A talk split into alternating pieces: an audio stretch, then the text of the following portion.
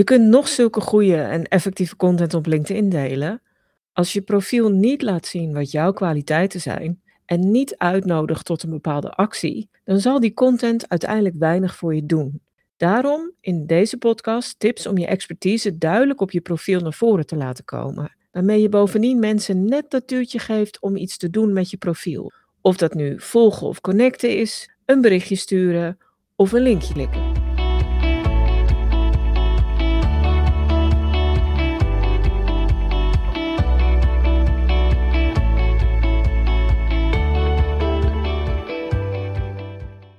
De vorige podcast over LinkedIn content eindigde met de suggestie dat je eens naar je SSI-score zou kunnen kijken. Een cijfer tussen de 1 en 100 waarmee LinkedIn je laat zien hoe succesvol je profiel en acties op LinkedIn nou precies zijn. Nu kun je echt van alles vinden van zo'n score en ik zeg zeker niet dat dit de perfecte graadmeter is. Maar de vier factoren waar de SSI-score uit bestaat zijn wel aardige wegwijzers voor je effectiviteit. Ze laten je zien waar je nog verbetering kunt halen. En een van die factoren gaat over je profiel.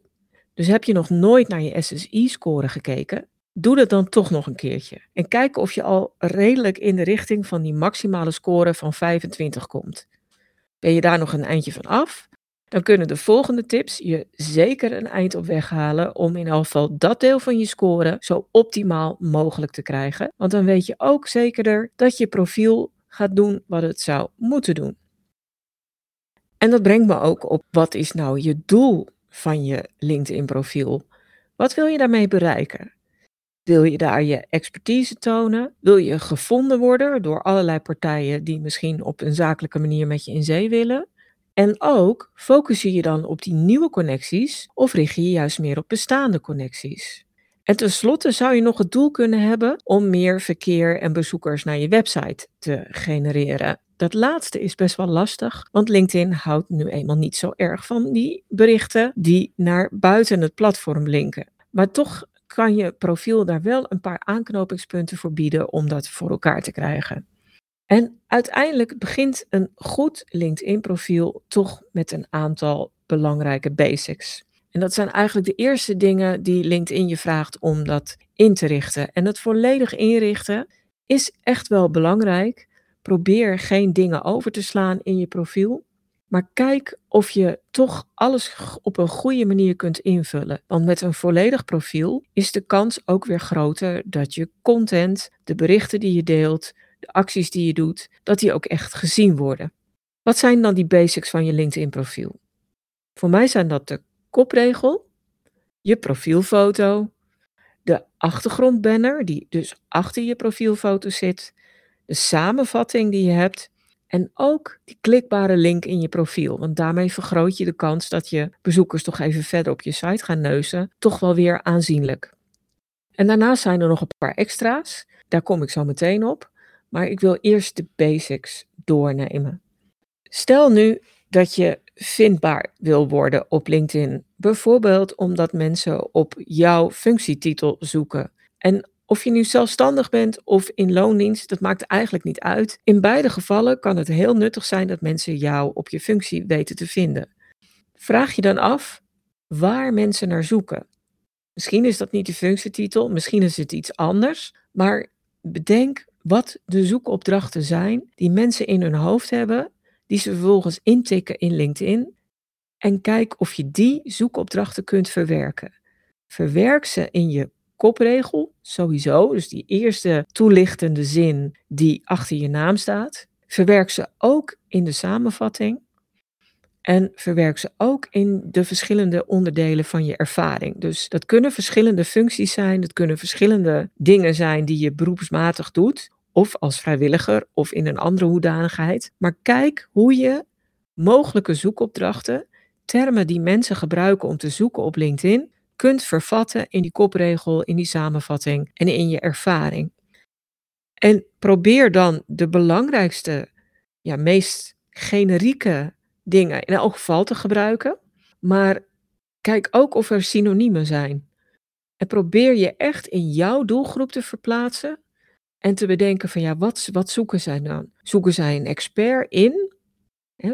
Pers zou het kunnen doen. Of een organisatie die een spreker zoekt, die zou kunnen zoeken op expert puntje, puntje, puntje. Of zoeken ze op een functie, bijvoorbeeld fotograaf, uh, front-end developer, tekstschrijver, noem maar op. Dat kan van alles zijn.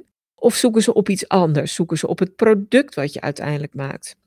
Of te bieden hebt, of de dienst die je biedt. Maar bedenk goed welke zoekopdrachten er zijn. En probeer die zo meteen, als ik bij die basics eventjes nog iets verder erop inga, daar ook straks meer in te verwerken. Of check je huidige profiel of je wel de termen waarvan je denkt dat je doelgroep daarop zoekt, of die wel terug te vinden zijn in je profiel. En zo nee, dan heb je nog een klein beetje werk aan de winkel. Ga je kijken naar die LinkedIn Basics, dus de dingen die ik net opzomde, dan begint het bijna altijd met die kopregel. Daar heb je tegenwoordig 220 karakters voor. LinkedIn is een dynamisch platform. Het kan zomaar weer veranderen, maar voor nu hou ik even die 220 aan. En probeer die ook echt te gebruiken. Maak een opzetje gewoon in Word, uh, want dan kun je ook heel makkelijk je karakters stellen. Begin met het belangrijkste eerst. Wat is de eerste boodschap waarvan je wil dat je die overbrengt? Misschien is dat een functietitel of iets heel duidelijks wat met je functie of je werk te maken heeft. Dat is vaak wel handig. En vul het daarna aan met allerlei details. En daar kan ook iets heel persoonlijks in zitten of iets heel kenmerkends. Er kan een bepaalde toonzetting in zitten. Of je kunt er ook nog iets in benoemen dat mensen gratis kunnen bekijken of kunnen downloaden. In mijn geval staat er bijvoorbeeld dat ze, naar de, dat ze de podcast kunnen downloaden. Kan ook iets heel anders zijn, maar zo trek je mensen gemakkelijk naar een vervolgstap en nodig je ze uit of breng je ze in op het idee dat er meer plekken zijn waar ze meer over jou te weten kunnen komen of misschien al iets van je kennis of expertise kunnen proeven. Het tweede dingetje is natuurlijk je profielfoto. En ja, het het is echt heel flauw, maar we beoordelen mensen toch ook wel een beetje op hun uiterlijk. En dan gaat het niet om dat je een schoonheidswedstrijd moet kunnen winnen, maar wel dat mensen een beetje een klik met je voelen. In die zin dat je toegankelijk oogt. Misschien heb je een reden om juist helemaal niet toegankelijk te ogen, maar over het algemeen is dat wel heel fijn. En toegankelijk ogen, dat doe je onder andere door echt in de lens te kijken en door jezelf te zijn, maar ook door de achtergrond uh, die je hebt op je, achter, op je profielfoto redelijk rustig te houden. En één dingetje, probeer ook een recente foto op je profiel te zetten.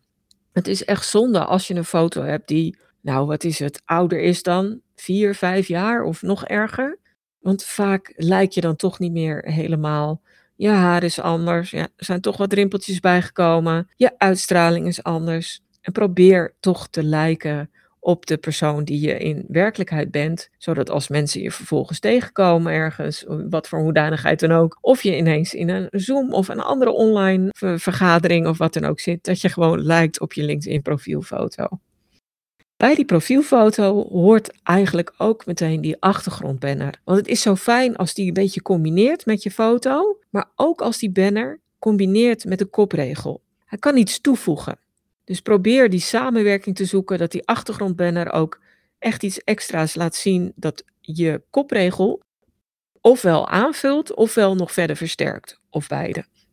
Heb je een eigen bedrijf en heb je daar een eigen huisstijl voor, dan kun je die natuurlijk ook heel goed toepassen. En om ook te kijken of je daar een herkenbare afbeelding bij kunt maken. Bijvoorbeeld iets wat ze ook zien op het moment dat ze bij je website terechtkomen. Je kunt ook een korte belofte daar doen. Ga er niet heel veel tekst in stoppen, want over het algemeen komt dat niet goed tot zijn recht. Zeker niet op mobiel, waar eigenlijk mensen maar het uh, in een verkleinde versie zien. Dus hou het kort en krachtig en kies dan voor een grote letter. Dus maak die, die belofte echt lekker compact en ook vooral heel duidelijk. Een ander stukje wat meteen bij je profiel zichtbaar is voor mensen die gaan kijken wie jij bent, is je samenvatting. En daar zijn ook altijd allerlei misverstanden over. Ik zie helaas nog steeds samenvattingen die in de derde persoon geschreven zijn. En dat is zo zonde, want dan heb je toch veel minder die connectie die je meteen realiseert met iemand. Schrijf daarom vanuit de ik-vorm en start met je centrale belofte. Wat heb jij te bieden aan mensen die iemand zoeken? Waarom moeten ze bij jou zijn? Wat is het resultaat als iemand met jou samenwerkt? Dus probeer die kernbelofte meteen bovenaan te zetten en wijd daar een paar zinnen aan. En vul dat dan gaandeweg aan in die samenvatting, want je hebt best veel ruimte, je kunt best veel dingen kwijt. Waarom je dit bijvoorbeeld doet.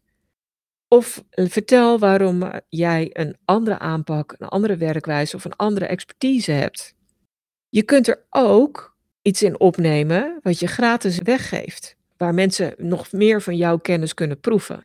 Dat zijn geen klikbare links in die samenvatting, maar je kunt mensen wel de weg wijzen door te zeggen: ga naar mijn website, ga daar naartoe, want daar vind je A, B, C. Je hebt best wel wat ruimte. Wat ook fijn is, om, is om in die samenvatting toch je persoonlijkheid door te laten schemeren. Dus ga niet een heel abstract, zogenaamd professioneel verantwoorde samenvatting schrijven. Ja, je mag best heel zakelijk en professioneel beginnen, maar mensen doen zaken met mensen. Dus probeer ook iets persoonlijks te laten zien. Ik zag laatst bij iemand staan, en het is maar een heel klein dingetje, het is heel onschuldig, van twijfelt altijd of ik nu een cappuccino zal nemen of een latte. En het is maar een detail. Maar er zijn andere cappuccino-drinkers die herkennen wel wat iemand dan zegt met zo'n zin. En het kan net een klein dingetje zijn waardoor je iets gemeenschappelijks creëert. En iets gemeenschappelijks is gewoon vaak een hele belangrijke aanleiding om samen zakelijk in zee te gaan. Of om in elk geval eventjes wat extra kennis te maken.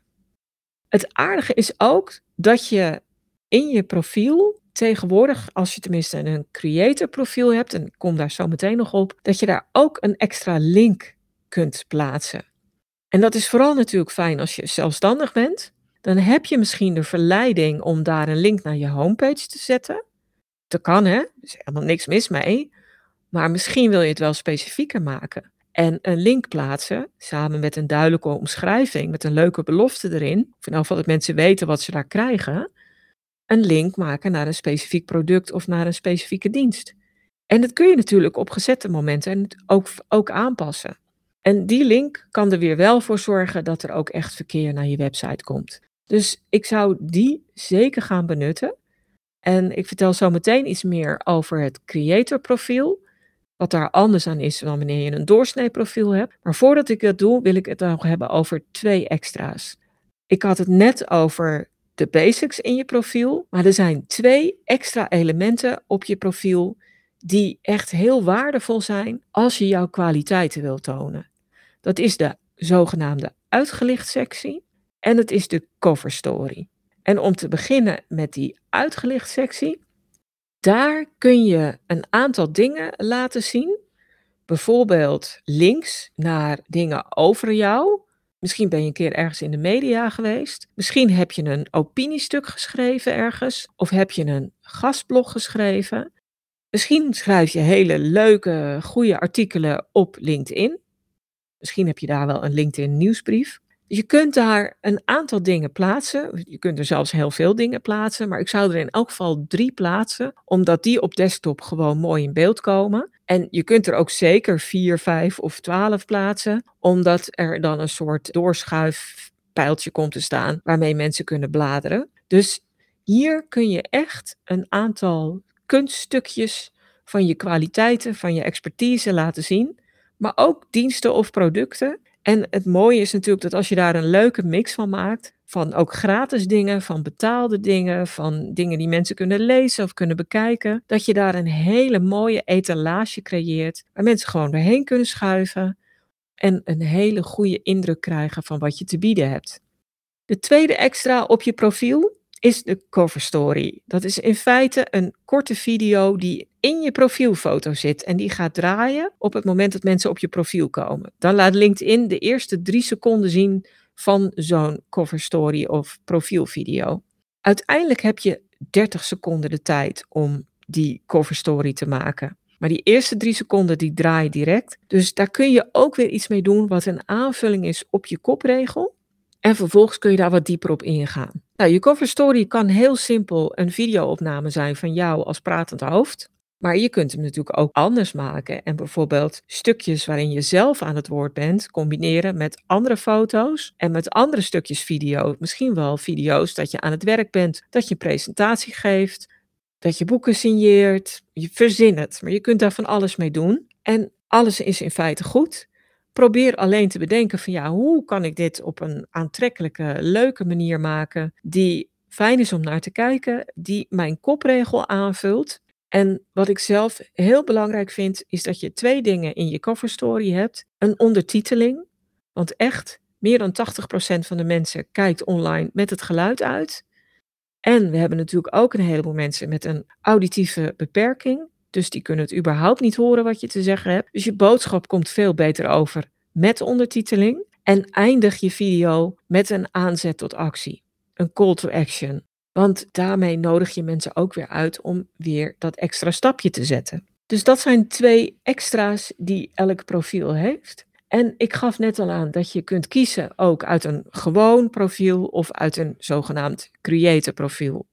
En ik zeg niet wat in jouw geval beter is, dat moet je eigenlijk zelf beoordelen. Maar een creator profiel heeft wel een paar voordelen.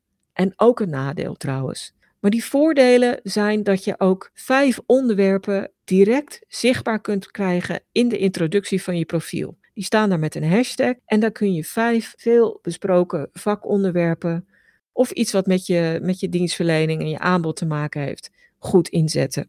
Een ander voordeel van dat creator profiel is dat die uitgelicht sectie meteen bovenaan staat. Die klikbare link die ik net aangaf, bovenin die daar staat, die heb je daarbij. En je creator profiel geeft je ook de optie om een LinkedIn nieuwsbrief te maken en om met LinkedIn live video's en evenementen te werken.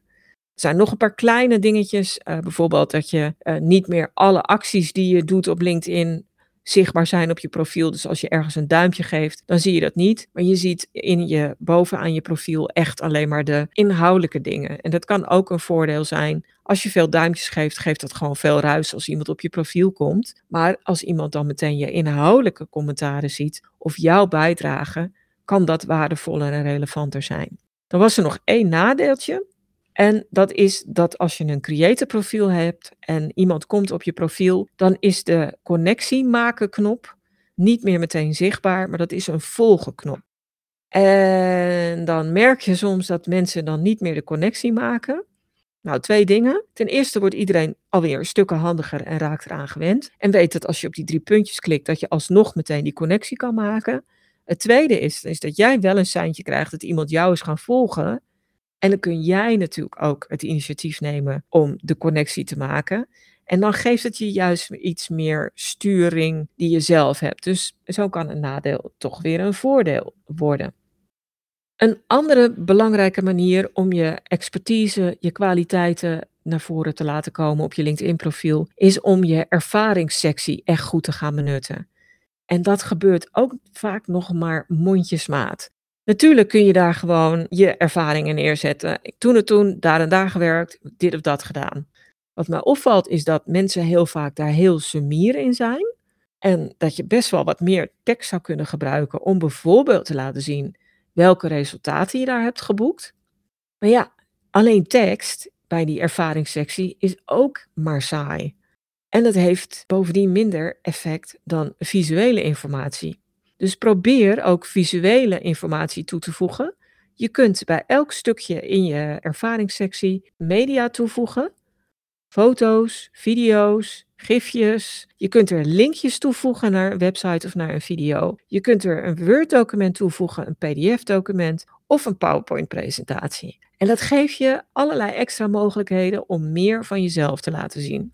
Dus probeer dat te doen, want je profiel wordt er gewoon rijker van. En dat is aantrekkelijker voor mensen die op je profiel komen. Wat mij ook opvalt, wat mensen vaak vergeten, is dat ze geen nevenwerkzaamheden noemen.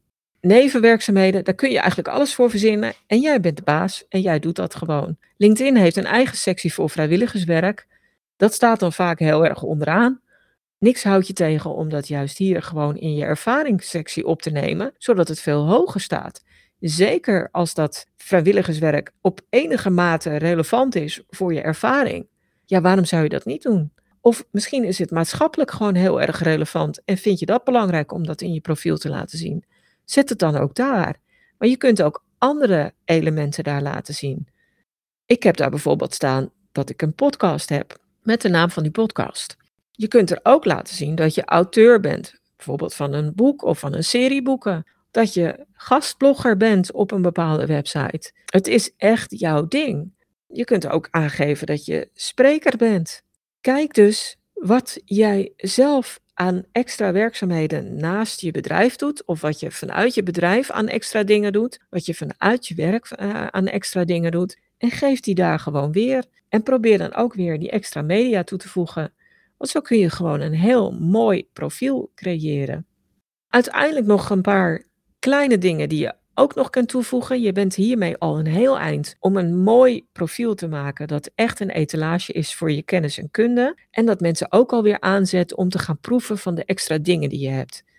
Maar kunnen, je hebt nog een paar extra mogelijkheden en die vallen eigenlijk in de categorie sociaal bewijs, objectief bewijs van je expertise. Natuurlijk zitten daar de aanbevelingen bij.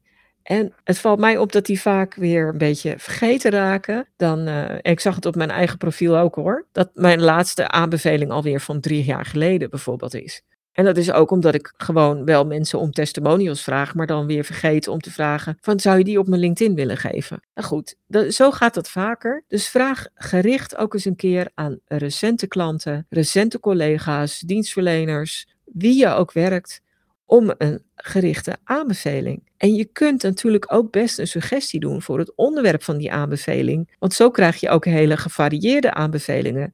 En de een kan dit element van je kennis of kunde uitlichten en de ander pakt een ander element. Dus dat maakt het alleen maar mooier. En wat nieuw was uh, vrij recent, is dat je aanbevelingsdeel op je LinkedIn-profiel tegenwoordig een eigen URL heeft. En dat kan leuk zijn, want die URL kun je ook weer elders delen. Die kun je bijvoorbeeld ook vermelden op andere social media, maar ook in je nieuwsbrief, in je e-mailhandtekening en op je site, waardoor mensen rechtstreeks bij je LinkedIn aanbevelingen uit kunnen komen. En dat kan op een heleboel manieren ook nog erg nuttig zijn. Naast die aanbevelingen heb je ook je vaardigheden. En het is goed om daar ook af en toe eens naar te kijken. En ook weer te denken aan die zoekopdrachten waar ik het eerder over had. En om te kijken van, hey, zijn de termen uit die zoekopdrachten, heb ik daar wel een bijpassende vaardigheid bij, die dat kan onderschrijven, dat ik dat echt kan. Dus je kunt er gewoon heel veel van benutten. En je kunt ook af en toe eens aan mensen vragen om die onderschrijvingen nog weer eens een keertje echt te doen. En te laten weten van ja, jij bent goed in A en je bent goed in B. En vervolgens kun je ze zelf in de door jou gewenste volgorde zetten. En probeer dan ook wel iets bovenaan te zetten waar je redelijk wat onderschrijvingen voor hebt gekregen. En het laatste wat ik je mee wil geven bij die vaardigheden sectie is dat LinkedIn ook nu wat certificaten gaat geven. En dan krijg je echt een soort LinkedIn-vinkje waarbij staat dat je geslaagd bent voor een LinkedIn-evaluatie van die vaardigheid. Klinkt hartstikke leuk, oogt lekker officieel. Misschien heb je er helemaal geen behoefte aan. Maar het is, omdat het door LinkedIn gebeurd is, heeft het wel een soort officieel examenachtig iets. Het is ook een beetje een examen. LinkedIn benoemt het wat luchtiger. En die, je kunt het dus bijvoorbeeld doen omdat LinkedIn zegt van je kunt een quiz doen voor bepaalde vaardigheden. Het is wel beperkt beschikbaar voor een beperkt aantal vaardigheden. Dus mogelijk zit jij in een vak waar geen één quiz voor is, dan is dit geen optie. Maar het is altijd leuk om even bij die vaardigheden op je profiel te kijken of je een quiz kunt doen voor een vaardigheid die voor jou relevant is. En dan moet je een toetsje doen. En dan word je echt stevig aan de tand gevolgd. Ik, heb, ik kon er eentje vinden die voor mij van toepassing was. En uh, ik vond hem best pittig. Dus ik was blij dat ik hem wel in één keer gehaald had. En ik heb nu dat vinkje op mijn, setje, op, uh, op mijn LinkedIn profiel staan. Nou, dat is altijd leuk om te hebben. En verder is het misschien ook een beetje een gimmick als nog niet heel veel mensen weten wat het betekent. Maar als het wat meer geworteld raakt en mensen er meer aan gewend raken. En zeker de mensen die wel specifiek naar die vaardigheid van jou kijken, die voor hen belangrijk is, ja, dan is het wel heel mooi als je ook dat vinkje van die LinkedIn-toets erbij hebt staan. Dus al met al heel veel tips om echt een goed werkend LinkedIn-profiel te krijgen. Als je profiel op orde is, werkt je content ook beter. Je content wordt zichtbaarder. En omgekeerd, nadat mensen je content zien, je berichten zien, je video's, je afbeeldingen, wat dan ook. En ze gaan op je profiel kijken, dan is het wel fijn als je profiel die eerste indruk die je content heeft gemaakt ook echt verder ondersteunt. En dat is de manier om veel meer rendement en resultaat uit LinkedIn te krijgen. Dankjewel voor het luisteren. Heb je nu een handige tip of inzicht opgedaan, dan wil ik je vragen om een review achter te laten. Of deel de podcast met iemand anders voor wie het interessant is. En wil je meer weten? Op mijn website vind je een gratis kennisbank met checklists, tools, video's en stappenplannen over content, content marketing, maar vooral over het zichtbaar en vindbaar maken van je expertise. En in de Content Academie vind je bovendien tal van online masterclasses en trainingen die je helpen om je expertpositie verder te versterken. Kijk daarvoor eens op stroop.nl en stroop is met dubbel S.